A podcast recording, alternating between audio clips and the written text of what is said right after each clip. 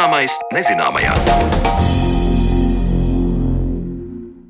Esiet sveicināti raidījuma zināmais nezināmajā un Sandra Kropa kopā ar jums un turpmāko stundu, lai parunātu par klimatu un jaunākiem pētījumiem to pārmaiņu prognozēšanā.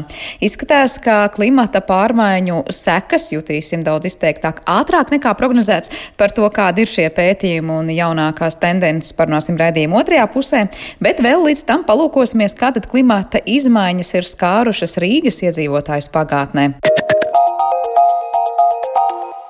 Jau pavisam drīz runāsim par to, kādi tad ir jaunākie modeļi, kas ļāvuši saprast, kad klimata izmaiņu sekas jutīsim visi izteiktāk, bet pirms tam palūkosim, kā klimata izmaiņas ir skārušas Rīgas iedzīvotājus pagātnē. Plūdi, kad 1709. gadā Doma baznīcas ūdenī atradās altāris, gadsimtiem ilga bargas ziemas, slapjas vasaras, Par vēsturiskajām klimata izmaiņām mūsu galvaspilsētā vairāk interesējās mana kolēģe Zana Lāce. Klimats ir viens no faktoriem, kas vēsturiski ietekmēja cilvēku migrāciju no vienas vietas uz citu.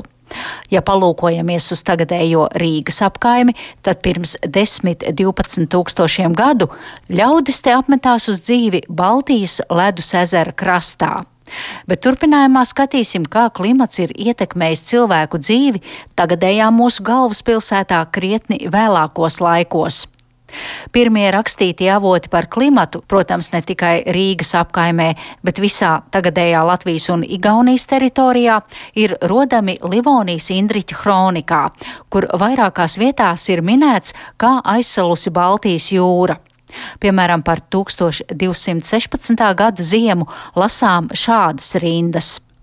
Pēc nedaudz atpūtas dienām rīdzinieki atguvuši spēkus, atkal sapulcējās ar līviem un letiem un iedami pa jūras ledu, kas ilgstoši pieturoties bargam augstumam, bija ļoti stipri sasalis, virzīja savu karaspēku uz Sāmsalu, un ceļš pa jūru izrādījās lielisks. Tāpat arī par 1227. gada janvāri ir teikts, Noturējuši svinīgo misi, viņi pa ledu virzījās pret Sāmsalu. Tas bija liels un stiprs karaspēks ar gandrīz 20 tūkstošiem vīru, kas sakārtotās un nodalītās vienībās gāja zem saviem karogiem.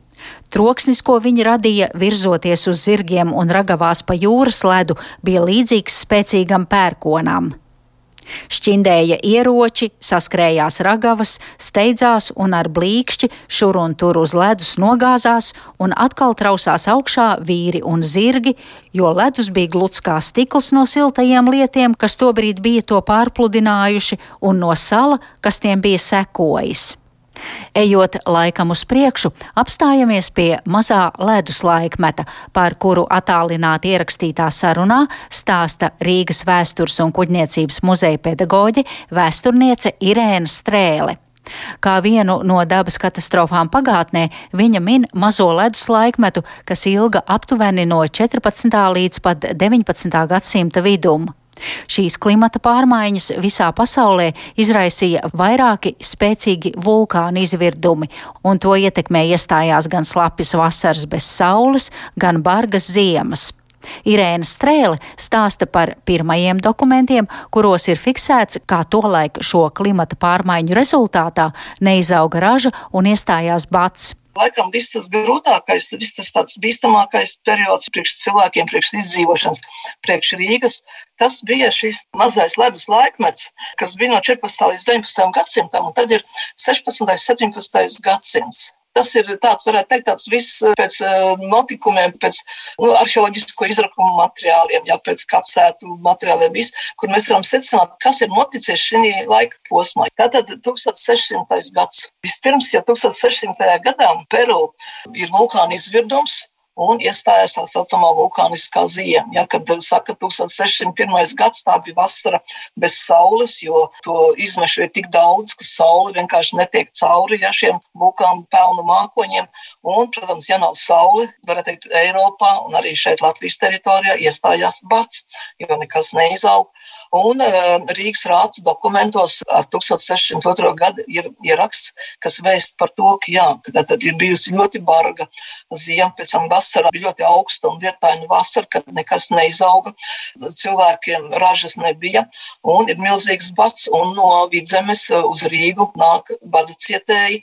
Apkārt Rīgai aiz Rīgas mūriem, aiz Kubas kalna ir jau savākšies vairāk kā 30 tūkstoši bada cietēji. Nu, ar cerībām, ka Rīga viņiem palīdzēs, ka viņiem tiks dot pārtika, bet nu, Rīga arī nav bez izmēra, viņi nevar palīdzēt visiem šiem cilvēkiem. Pa vidu visām dabas nelaimēm nāk klāt vēl kari un mēra epidēmijas, un turpinot skatīt šo laika posmu un dokumentus, kas glabājas Rīgas vēstures un kuģniecības muzejā, Irēna Strēle min 18. gadsimta sākumu. Tātad 1696.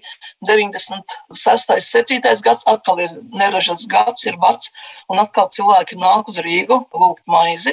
Un uh, atkal ir tikpat daudz mirušo no bata. Pie, pie visām šīm nelaimēm vēl pievienojas tas, ka inkognito uz Eiropu dodas arī Pēters I ar visu savu svītu, kas ir vairākas simts cilvēku.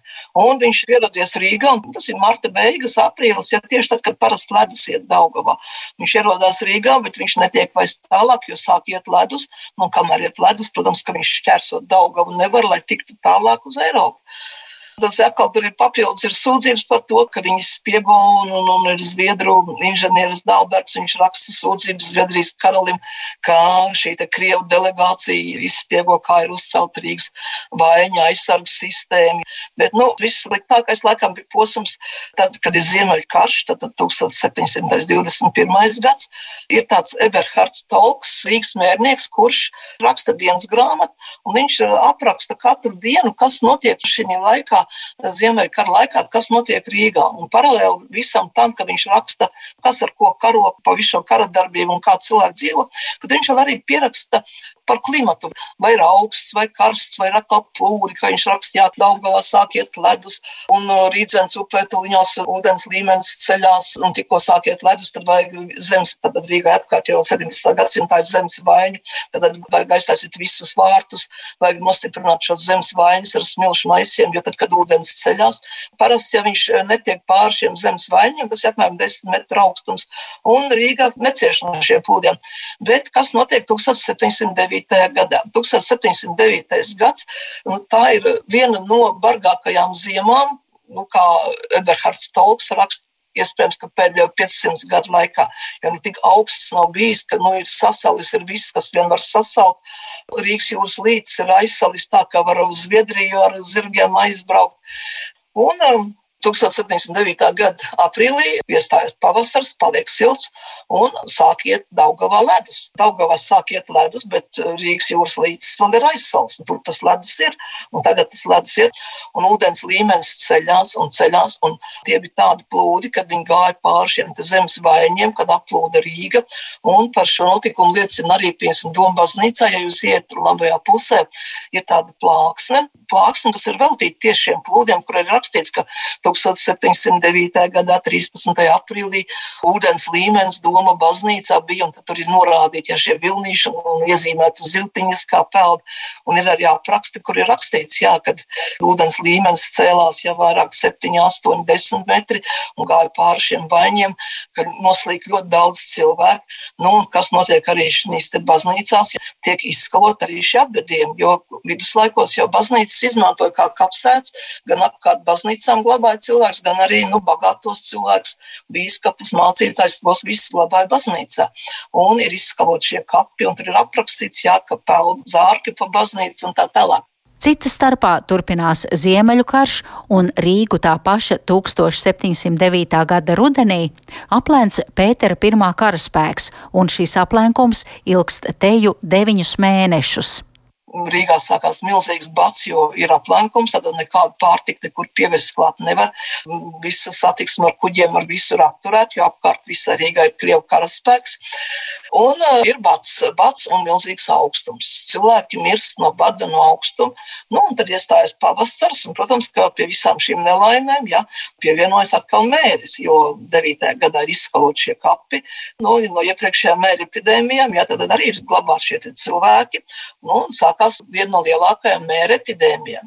Skatot vēl par krasām klimata izmaiņām vēsturē, internetā var atrast Latvijas Universitātes geogrāfijas profesora Gunta Eberharda apkopojumu par dabas untumiem pagātnē. Tā piemēram, kā raksta profesors, 1617. gadā Baltijā ir bijusi ļoti silta un lietaina ziema bez sniega. Visu janvāri ir augusi zāli, izplaukuši ziedi un ziedējuši ķirši un arī pēc septiņiem gadiem, 1624. gadā, atkal ir iestājusies tāda pati silta ziema. Savukārt 1431. gadā vasarā ir valdījis liels sausums, un par to ir rakstīts šādi: Zeme un purvi dega, dūmaka stāvēja sešas nedēļas, sauli neredzēja, zīves ūdenī nobeidzās un putni krita zemē. Kā raksta profesors Gunts Seberhards, tad kopumā vērtējot turpat 600 gadu garumā, no 14. līdz 20. gadsimta sākumam, Rīga un tās iedzīvotāji ir piedzīvojuši vairāk nekā 20 ledus sastrēgumu izraisīto katastrofālo plūdu postījumus. Bet turpinājumā sarunā ar vēsturnieci Irēnu Strēli lūkojam, kā vēju ietekmē Daugava ir mainījusi savu tecējumu jūrā. Mēs šodien redzam savu daudzgumu, mums tā liekas, ka šī upe mums ir tāda bijusi mūžīga. Nē, tas, ko mēs redzam šodien, skatoties uz Daugavas krastiem, te Rīgā, nu, nejot jā, līdz Bolderai, Tie pēdējie 300 gadi, apmēram 300, 400 gadi. Jo pirms tam, pirmkārt, Daugaus krasts bija apmēram 80, 70 metriem tuvāk vecrīgai. Tā kā, tā, kad, ja mēs braucam pa 11. novembra krastu, no tā jūs zināt, ja jūs brauktu tur pirms kaut kādiem 600 gadiem, 700, jūs brauktu pa Daugaus ūdeni tam ir laikā. Un Daugava ietecēja jūrā, nu, tā kā mēs braucam uz Mangaļas salu, ir tā vec Daugavai. Tad Daugava ietecēja jūrā līdz 16. gadsimtam, tur, kur vec Daugava būs. Un tad ir 16. gadsimtā pēc vienas lielas vētras Daugava izlauza jaunu gultni, tur, kur viņi tagad ietek iekšā pie Balderājas ar Balderāju Mangaļu salu. Un varētu teikt, ka 200 gadus, 17. un 18. gadsimts ir tas, kad Daugavā ir divas šīs ietekas jūrā, tur, kur ir vecdaugava, un nu, tā, kas ir šodien. Un tad vecdaugava lēnām aizsērē, aizsērē, aizsērē, un jau no 18. gadsimta mums paliekas tikai viena, jā, šī daugavas ietek tā, kas ir šodien. Un kāpēc notiek šādas izmaiņas? Atkal atceramies, ka Rīga tas ir senais jūras dibens, tad smiltis, un upes, kas tek cauri smiltīm, viņas jau maina krastus. Jo tie, kas staigā gar jūras krastiem, noteikti redzējuši, kas notiek ar upēm pēc eh, vētrām, pēc stipriem vējiem, ar tām mazām upītēm, kas ietek jūrā. Ja? Pēc vētras viņas to savu ieteku jūrā, viņas bieži vien viņas pa kādu puskilometru pa labi, pa kreisi maina, nu, kā vējš pūš. Un Daugavai bija tieši tas pats, kā vējš pūš, tā arī šī jaunā gūtne tiek izskalota. Kā pagātnē klimats ir ietekmējis mūsu galvaspilsētas iedzīvotājs, par to stāstīja Rīgas vēstures un kuģniecības muzeja pedagoģa vēsturniece Irēna Strēla, un ar viņu sazinājās mana kolēģe Zāne Lāce. Bet par to, kā mēs klimata izmaiņas jutīsim tuvākajās desmitgadēs, stāsts raidījuma turpinājumā.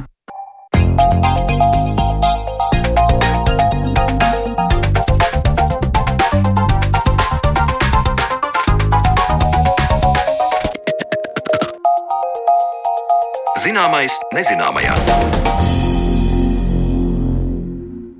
Globālās sasilšanas slieksnis, ko varam uzskatīt par bīstamu, varētu tikt sasniegts laika posmā starp 2027. un 42. gadu.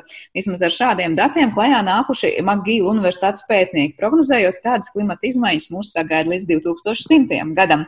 Vai un kāpēc ir pamats tam, ka bīstamo līniju prognozes kļūst arvien pesimistiskākas un kā šīs dažādās prognozes atšķiras un kā varam paredzēt klimata pārmaiņas arī Latvijas nākotnē?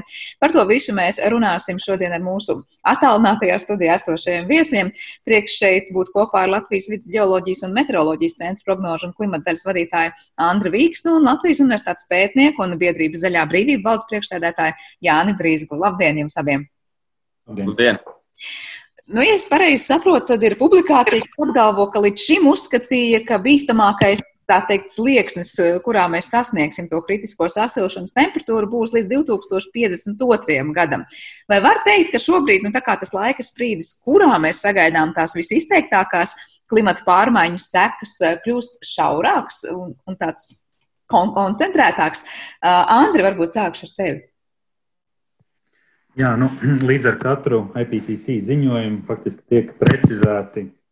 E, mm, teiksim, šie te klimatu ietekmējošie faktori un procesi, kā arī to savstarpēji arī miedarbību, kas varbūt kaut kā kopā ietekmē šo klimatu un veicina klimatu pārmaiņas. Un, un, jā, līdz ar teiksim, pieaugušo datu apjomu un, un šo datu izmantošanu šajos nākotnes klimata pārmaiņu scenāriju aprēķinos, tad ir iespējams ar katru šo scenāriju mazliet teiksim, tuvoties, precizēt, teiksim, kad tad eh, kaut kāds konkrēts brīdis, kad uh, var tikt sasniegts. Un šajā sestajā ziņā lielāks uzsvers būs tieši uz, uz reālo citu novērojumu datu izmantošanu, simulējot šīs te globālās klimata nu, sistēmas reaģēšanu uz tieši siltumnīca efekta gāzes koncentrācijas izmaiņām. Un, eh, nu, jā, tā vienkāršot sakot, tad, respektīvi, mēs varam uh, nu, nosacīti precīzāk jau definēt varbūt to logu, kad tiks sasniegts šīs izmaiņas. Bet mēs tajā brīdī paredzam, tad, kad jau tieši izmaiņas par sevi liks manīt, vai kad mēs visātrāk sasniegsim tās kaut kādas nevēlamās temperatūras pieaugumu, vai, vai tas ir tikai par to, kad jau mēs reāli jutīsim šīs negatīvās sekas? Nu, negatīvās un vispār sekas jau jūtam mēs tagad, protams. Un, nu, jāsaprot arī, ka tas ir vairāk eh, nu, teiksim, globālā mērogā, šis teiksim, pusotrs grāds. Protams, dažādos eh, geogrāfiskos reģionos eh, šīs izmaiņas notiek ar, nu, ar dažādu mm, tendenci, bet intensitāti. Un, nu, jā, nu, ja mūsu reģionu mēs runājam, tad, protams, gaisa temperatūras izmaiņas notiek diezgan strauji, un mēs esam vairāk teiksim, uz ziemeļa platuma grādiem un teiksim, tieši augstajā sezonā un vairāk augstajā klimatā, tad nu, mēs sajūtam to krietni e, nu, vairāk varbūt nekā, nekā citos varbūt, reģionos. Bet nu, kopumā jā, nu, tas jau faktiski jau ir sekas, jau ir tagad jūtams, un tā, tā ietekme, protams, nu, tikai palielināsies turpmākajos gados un gadu desmitos. Jā, ko tieši tas nozīmēs mums un citiem reģioniem? Gan jau mēs sīkāk arī vēl šajā atlikušajā raidījuma daļā parunāsim, bet Jānim es gribu dot vārdu arī, nu, kāds ir tas redzējums, vai var teikt, ka kļūst tāds, nu, draudīgāk vai pesimistiskāks tas skats uz dzīvi? Jā, nu es varu piekrist, eh, piekrist Andrim, ka eh, tā globālā klimata sistēma ir ļoti sarežģīta un mēs tikai nu, visu laiku mācāmies un mēģinām saprast viņu šie IPCC ziņojumos paredzētie scenāriji jau ir ar ļoti plašu varbūtību, un mēs šo varbūtību visu laiku mēģinām samazināt ar jaunām zināšanām un, un, un pētījumiem un vēsturisko pieredzi, un līdz ar to nu, slēdzam cieti, kā to kļūstam arvien varbūt tuvāk tai reālajai patiesībai, kāda viņa varētu būt. Un tās visas, protams, ir prognozes, un vēl joprojām, es domāju, mums nu, varētu arī parādīties. Arī ar katru gadu arī parādās visādi jauni pārsteigumi, par ko varbūt zinātnieki nebija līdz galam domājuši pirms, pirms tam. Un, un šie, šie, šie, šie dati kļūst ar vien, ar vien precīzāki un parādās varbūt arī kaut kādas jaunas. Jaunas lietas, kur šis klimata pārmaiņas pašas sāk veicināt, no nākamās klimata pārmaiņas uh, dažādas šīs atgriezeniskās saites, kas, kas ieslēdzās. Nu, par viņām mēs varbūt varējām viņus prognozēt, bet tagad varbūt mēs jau viņus arī redzam, kā viņas praksē, praksē darbojas. Gan tas, kā okeāns reaģē uz šīm klimatu pārmaiņām un kā viņš tālāk nu, var veicināt pats klimatu pārmaiņas, gan to, kas notiek kaut vai mūžīgā sasaluma zonās, atkūstot viņām. Kā tur ir daudz arī tādas tādas ietekmes, kas, um, nu, kuras, uh, kuras vairs nav cilvēku radītas tādā tiešā veidā, bet pastarpinātas caur šīm klimatu pārmaiņām. Var teikt, tas jau ir tas nākamais solis pēc tam, kad esam to riteni iegriezuši. Uh, jā, nu tā inercija ir milzīgi liela uh, šāda veida sistēmām. Un, un, protams, mēs, um, ja mēs arī pašlaik apstātos un pārtrauktu emitēt jebkādas um, ogļuskābās gāzes emisijas, citu klimata gāzes, klimats, um, nu, šīs cilvēku radītās klimata pārmaiņas turpinātos. Tā kā, uh, tā, kā tā inerce tiešām ir, ir, ir, ir ļoti spēcīga. Varbūt tāpēc arī tādā rīcība politikas līmenī ar vien vairāk un vairāk runā par adaptāciju, par nepieciešamību, saprotot, ka uh, kad nu, mums apturēt neizdosies, bet tad mums ir jāsaprot, kādā veidā mēs varam adaptēties tām negatīvajām sekām, pielāgoties. Bet, lai adaptētos, mums tā rīcība ir jāmaina šobrīd, es saprotu, vai ne? Ko tas nozīmē, ja, piemēram, nu, tās politikas tiek veidotas tā, lai, un tiek veidotas tā, lai, lai tomēr mēs emitētu mazāk, un, un tā situācija nebūtu varbūt tik ļoti slikta, kā mēs to zīmējam scenārijos. Ir vēl reāls iespējas teikt, nu, izvairīties no šī scenārija, ko paredz šis jaunais ziņojums, ka tas 27. un 42. gads būs tas slieksnis, kurā mēs izteikti jutīsim šīs pārmaiņas. Ja, ja tu prasi man, tad es domāju, ka, um, nu, ka pilnībā, izvar, nu, ka pilnībā izvairīties un atgriezties pirms industriālajā laikmetā klimata ziņā mēs, mēs noteikti nevaram. Bet, nu, domājot ilgtermiņā, ir noteikti vērtīgi samazināt šīs, šīs emisijas paš, paš, pašlaik. Protams, nu, cilvēkam vienmēr ir grūti domāt, domāt ilgtermiņā. Un, uh, un, uh, un īstermiņa labumi vienmēr ir bijuši, bijuši prioritāri. Tā kā, nu, tādā, mm, tā, tādā politiku līmenī, Kaut gan nu, mēs jau redzam, tagad ļoti daudzas valsts Eiropas Savienība ir noteikusi, ka uh, 50. gadā kļūs uh, klimata neitrāli. Uh, Ķīna ir paziņojusi, ka 60. gadā sasniegs šo klimata neutralitātes līmeni. Ja. Daudzas citas valstis ir uh, paziņojušas arī par, par, par līdzīgiem mērķiem. Es domāju, ka ASV pie jaunā prezidenta arī izvērsīs plašāku tādu klimatu politiku. Tā kā, es domāju, tāda, tāda tendence ir. Protams, uh, tie paši ANO ziņojumi rāda, ka tā plaisa starp to, kas ir jāizdara, un to, ko valsts ir apņēmušās līdz šim darīt, ir milzīga. Un, joprojām mums ir nu, ļoti lēni tās izmaiņas tiek, tiek īstenotas. Tas ir arī uh, nu, saprotami tādā ziņā, ka uh, mūsu ekonomiskā sistēma, mūsu sociālā sistēma ir būvēta tajā fosilajā enerģijā, un, un mēs uh, no tā uzreiz tik vienkārši atteikties nevaram kaut kādā veidā pārslēgties uz kaut ko citu ar tādu vienu klikšķi es vairāk biju domājis par to, ja tās izmaiņas, piemēram, rīcībā notiek tagad, vai mums ir pamats cerēt, ka tas, ko mums prognozē, nu, piemēram, tagad, 27. un 42. gadam, pabīdās mazliet, kā saka, uz tālāku nākotni. Protams, mēs kaut kā mazinām to, ar ko mēs saskarsimies un cik lielā mērā. Varbūt Andrim ir kāds komentārs. Nē, nu, protams, ietekme ir cilvēku darbībai. Protams, lielāka tā ir, ja tā ir kolektīva darbība un kaut kādā sistemātiskā veidā, kas varbūt ir lielākā problēma ja mēs skatāmies pasaules mērogā.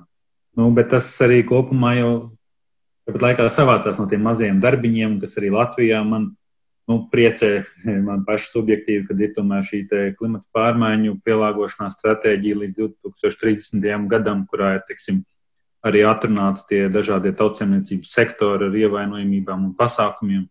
Arī pašlaik varam paspārnēt topošais klimata likums, kas kaut kādā mērā varētu arī radīt tādu nu, leģitīmāku iemeslu dažādām e, klimata pārmaiņu mazināšanas aktivitātēm. Kā, protams, tur jāskatās, nu, kā jau vienmēr, gan no indivīda griezumā, ko mēs darām ar to pašu plasmas maisiņu, līdz politikas plānošanas dokumentiem un kaut kā centralizēt jau lielāku, teiksim, tādu nu, apvienību, kā Eiropas Savienība vai vispār pasaules mērogā kaut kādas kolektīvas aktivitātes ar noteiktiem mērķiem un vismaz apņemšanos sistemātiski doties uz to mērķu sasniegšanu.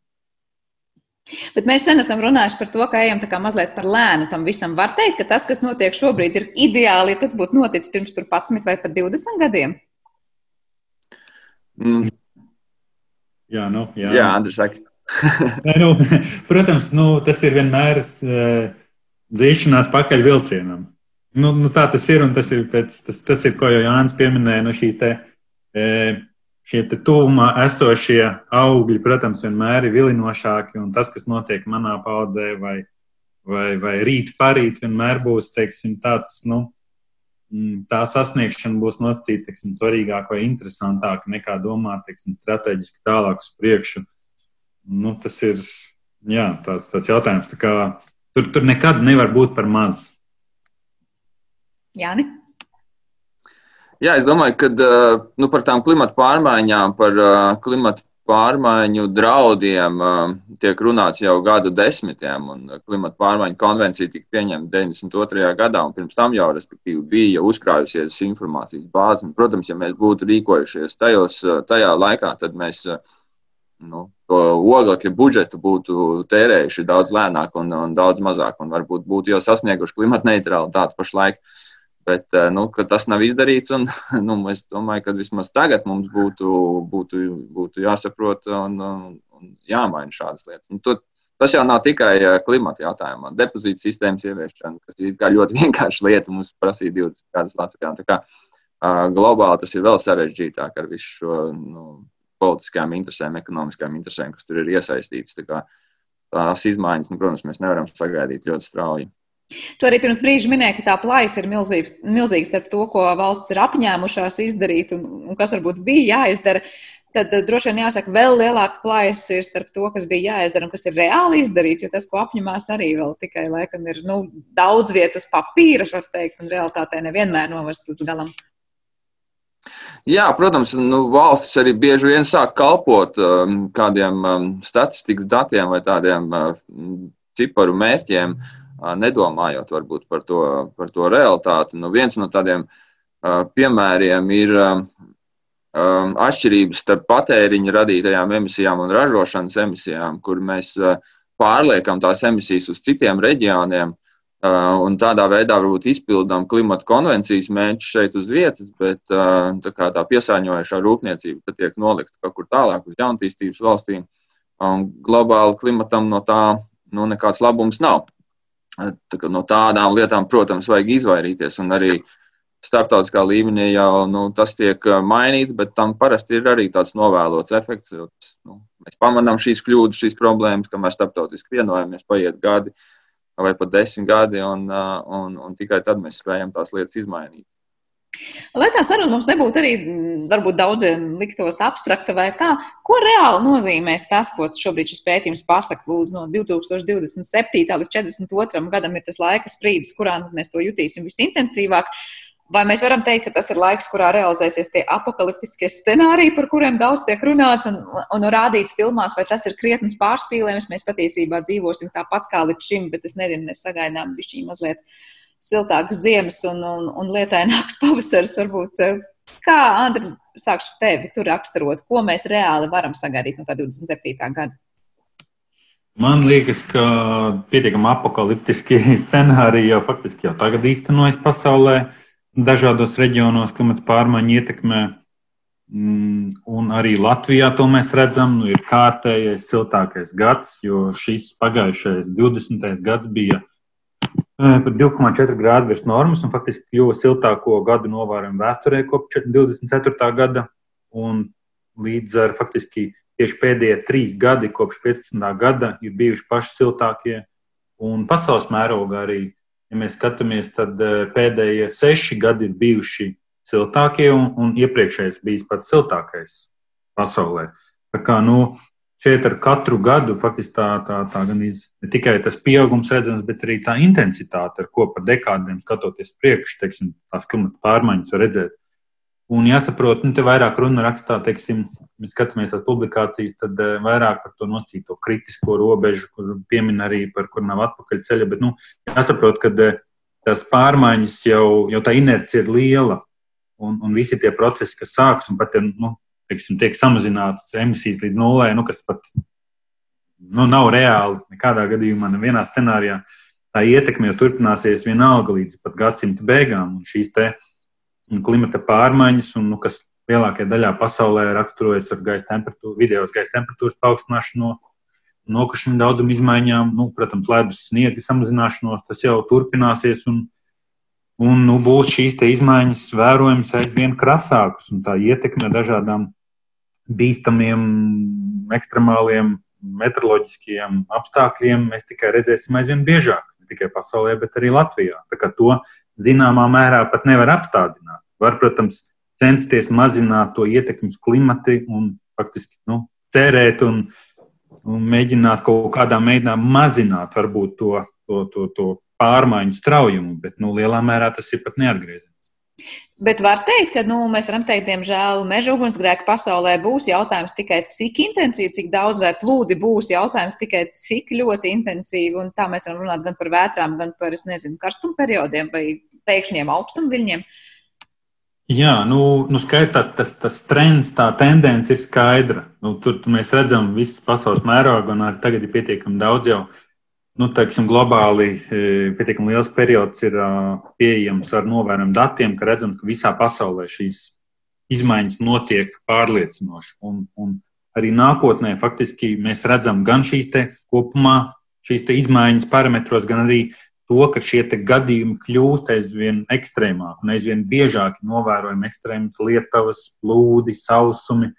Un šī tendence, protams, turpināsies. Un, un pēc pašais pieejamiem scenārijiem, nu, pat līdz gadsimta beigām, ja nekas nu, radikāli nemainīsies, nu, nav īpaši pamats optimismam, ka nu, pēkšņi kaut kas būtiski uzlabosies. Tā kā te ir vairāk runa, cik intensīvi un cik ātri. Jā, man jautājums, kā no viduszinātnes viedokļa var raudzīties uz to, nu, ko cilvēkiem tālāk ar šo informāciju darīt. Proti, vai tas nerosina arī vairāk tādu nu, sajūtu, nu, tāpat neko nevaram darīt, nu, tad savu dzīvi nodzīvosim ērti un komfortabli un nedomāsim par to, kas sekos. Vai ir pamats tādam nu, papildu riskam, ka cilvēks pārliecināt mainīt to uzvedību un, un patēriņu kultūru, nu, šobrīd kļūst arvien grūtāk. Jā, man liekas, ka nu, tāds risks pastāv, ka cilvēkiem sastopoties ar tādām reālām briesmām, ieslēdz kaut kāda aizsardzības mehānisma, un viņi mēģina visu ignorēt un, un uzskatīt, ka, ka nekas tāds nav, un, un nu, pievērt acis un varbūt dzīvot kaut kādā noslēgtākā čālā.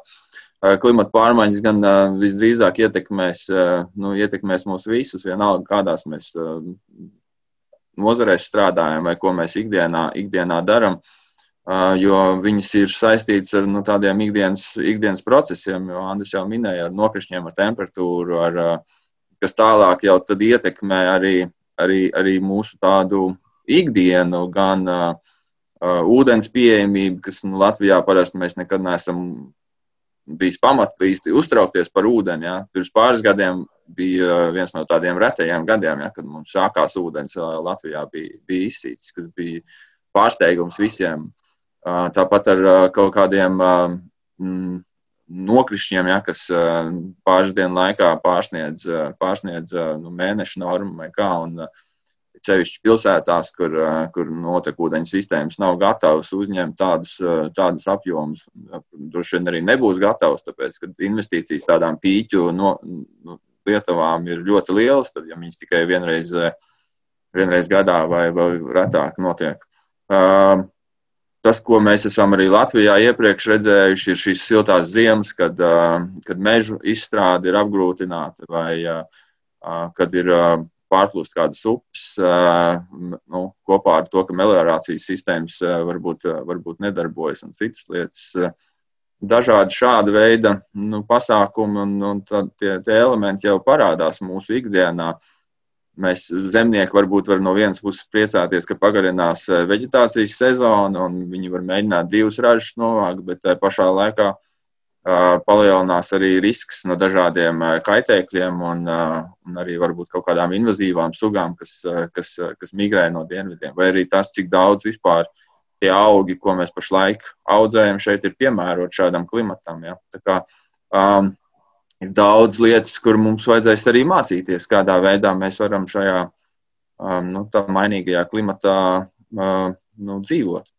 Bet uh, jautājums par to, vai ir vērts kaut ko mazināt, man liekas, ka tur ir diezgan liels atšķirības. Vai, uh, nu, vai tas klimata pārmaiņas mēs apturam pie diviem, trījiem, četriem vai pieciem grādiem. Un, uh, ja mēs neko nedarām, tad mēs noteikti ejam uz to sliktāko scenāriju. Un tad tās, tās sekas ir nu, daudz, daudz sliktākas. Andris varbūt var precizēt, kā tas, kā tas, kā tas atšķirās, jo viņiem bija arī pētījumi par to. Kādā veidā klimata pārmaiņas Latvijā var izpausties. Bet, bet tās atšķirības starp tiem scenārijiem ir diezgan būtisks. Jā, es uzdodu vārdu Andriu par to, ka jautājums ir, gan, kā Latvijā izpaudīsies, pie kura scenārija kas un kur mēs šobrīd esam, vai jūs varat precizēt? Ceļā uz to vissliktāko scenāriju, vai, vēl kaut kur ar, ar iespēju paskatīties kaut pozitīvāk apkārt? Lūdzu, Andri. Nu, mēs, protams, salīdzinoši ar kopumā pasauli dažādiem citiem reģioniem neatrodamies varbūt tajā sliktākajā pozīcijā, ja, jo pat eh, nu, mūsu klimats ir nu, nu, ļoti labvēlīgs. Cilvēkiem ir, ir, ir, ir nu, tā varbūt pat kādreiz ir problēma, ka šīs klimata pārmaiņas, kā Jānis minēja, arī šo vegetācijas pagarināšanos jau daudz sabiedrības daļu varbūt uztver pat kā ļoti pozitīvu, ja, kas nu, neiedziļinoties arī tajos daudzajos riskos, kas nāk līdz ar to. Bet nu, vienalga mēs jau to redzam. Un, un, un vēl paturpinot iepriekšējo tēmu, ka principā jau tās klimata pārmaiņas notiks tik strauji, ka to jau iet, tās sekas jau redzēs šī paudze, kas dzīvo. Ja? Tas pat nav vairs stāsts par to, ka nākamās paudzes dzīvos sliktāk vai būs Bet jau tagad mēs redzam, ka tas klimats mainās tik strauji, ka tie negatīvie tie laika apstākļi, klimata pārmaiņas jau ietekmē tautsēmniecības jomas jau tagad. Tas ir, tas ir ļoti no svarīgi. Es domāju, tam būtu jābūt motivācijai kaut ko darīt jau šodien. Bet nu, arī mums, skatoties e, klimatiski, nu, strauji redzam, ka visvairāk, protams, temperatūra, ziemās tieši, kas e, ziemas faktiski kādā, kādas mēs atceramies, lēnām pazūd. Sniega sega pat dažādos nu, tādos mēreni pesimistiskos, pesimistiskos scenārijos eh, kurzemes pusē, rietumu piekrastē pat samazināsies par 100%. Tas, principā, padarīja šādu pastāvīgu sniega sekas apstākļus gandrīz par kaut ko ļoti eksotisku eh, parādību. Nu, un arī tās minimālās temperatūras ārkārtīgi pieaug. Tādi kā iepriekšējie gadi, kad nu, faktiski reti kuru mēnesi ir dienas, kad ir vispār nu, stabili zem nulles, kad visu laiku ir atkušņi regulāri. Un, un to mēs redzam arī maksimālās gaisa temperatūras pieaugumos, ka aizvien biežāk ir nu, šīs dienas ar ļoti augstām temperatūrām. Un, un kas ir varbūt pat sabiedrību vēl ietekmējošāk, ir šīs tropiskās naktis, kad gaisa temperatūra nepazeminās zem 20 grādiem, kas ir vairāk teiksim, cilvēku veselību un neļauj teiksim, nu, nu, atpūsties pēc šiem karstās dienas. Un, un kad bija dažus gadus pat Rīgā vairāk nekā 20 dienas, tas ir arī nu, faktiski iespaido visas šīs tautsēmniecības jomas. Un mūsu gadījumā vēl, protams, ir eh, nokrišņu daudzums, kas var būt atšķirībā no citiem reģioniem, nu, kur, teiksim, Dienvidu Eiropa, kur samazinās un ir ļoti nopietnas dzermā ūdens problēmas regulāri. Tad nu, mums kopumā tomēr šis nokrišņu daudzums gaidāms, ka pieaugs, tā tendence ir pieaugoša, bet tāpat laikā vasaras Vasarās aizvien biežāk varētu būt apstākļi, kad eh, mijās teiksim, sausuma periodi ar ļoti nu, tādām spēcīgām lietavām. Un, faktiski tas rada vēl tādu, nu, tādu būtiskāku ietekmi uz, uz, uz, uz sabiedrību, uz, uz tautsēmniecības jomām, jo pēc lielākas sausuma, ja nāk kaut šādas lietus gāzes, tad nu, e, tas rada vēl, vēl, vēl negatīvākas sekas, varbūt ekstrēmāki šie laika apstākļi ka es domāju, ka arī Latvijas mērogā ar Latviju salīdzinoši mēreno klimatu mēs jau tagad redzam un redzēsim vēl diezgan nu, būtisku ietekmi uz, uz, uz sabiedrību, ko reāli var izjust, ne tikai ciparos. Mēs te visu laiku piesaucam ziemas un vasaras. Kas notiek ar tiem rudeniem un pavasariem? Kādas prognozes izskatās tuvākajām, nu, nezinu, gadiem, desmit gadiem Latvijas teritorijā? nu, ja tā var teikt, tad uh, rudens ir salīdzinoši nu, Ja mēs par kaut ko pozitīvu varam teikt, ka pagājušais rudens bija ekstremāli silts un garš, un tāds ir daži scenāriji liecina par to, ka tieši rudeņi varētu kļūt garāki, siltāki un saulaināki. Teiksim, šāds te skaistais lapu zelts, kas iestiepjas vēl dziļi oktobrī, pat līdz novembrim, varētu būt tendence arī nākotnē. Šis varētu būt tas laiks, varbūt, nu, es, protams, tāds, tā ir spekulācija, bet varbūt ņemt atvaļinājumu nevis jūnijā, jūlijā, bet varbūt saulainajā, siltajā oktobrī. Un e, līdzīgi arī nu, pavasaros, gan mazāk mēs redzam to tendenci vairāk, ka nu, pavasarī mainās salīdzinoši mazāk. Bet nu, vienalga, visās gadalaikos ir redzama šī gaisa temperatūras paaugstināšanās, varbūt nu, klimatiski netik būtiski tie ekstrēmi ir rudeņos un, un, un pavasaros, vairāk šajās ziemā, kur tas ir minimāla gaisa temperatūra un nokrišņu daudzums, un vasarās drīzāk ar šo sausumu un nokrišņu, ekstremālu nokrišņu miju. Jā, nu, man liekas, ka ar vien grūtāk tādu scenāriju klausoties būtu teikt cilvēkiem, ka mums ir jādomā, kā apturēt klimata pārmaiņas, vai precīzāk, kā mēs vienojamies, jāsaka, mazināt vai pielāgoties tām, jo Jo skaisti gari, silti rudeņi un siltas vasaras, protams, izklausās vilinoši, bet, kā saka, nu, galvas jautājums, kas kuram patīk, savukārt ziemas cienītājiem tiešām tie scenāriji nav īpaši iepriecinoši. No tikai noslēgumā jums vaicāšu, vai tas, ka mums šogad, var teikt, nu, parādās atkal tāds paziņojums, lūk, ir jaunāki dati, tas scenārijs mainās, gadi sliekšņi mainās. Mēs varam teikt, ka mainās pats princips, kā šos modeļus veido, kas ir tie izējas dati, un jo vairāk mums ir reāli mērījumi un dati, mums tie modeļi arī nākotnē būs arvien precīzāki un arvien varbūt nu, liks pārskatīt tos mūsu priekšstats, ko sagaidām no tuvākās nākotnes. Nu, Principā šie IPCC ziņojumi, šie te, nu, scenāriji tiek gatavoti uz tādiem nepārtrauktu pētījumu bāzes, kas faktiski nekad nebeidzās. Un tagad drīzumā 22. gada laikā būs oficiāli jaunais IPCC sastais ziņojums, kur jau datu kopsainām parādās. Un, restīvi, nepārtraukti tiek papildināti šie te, nu, pētījumi, šie modeļi skaitliskie ar pieejamu informāciju, mēģina asimilēt dažādus faktorus. Tas ne tikai meteoroloģija, bet arī eh, cilvēku mobilitāte, patēriņš, transports, elektrifikācija, politiskā situācija valstīs. Dažādi faktori, kur var mēģināt asimilēt šajos modeļos.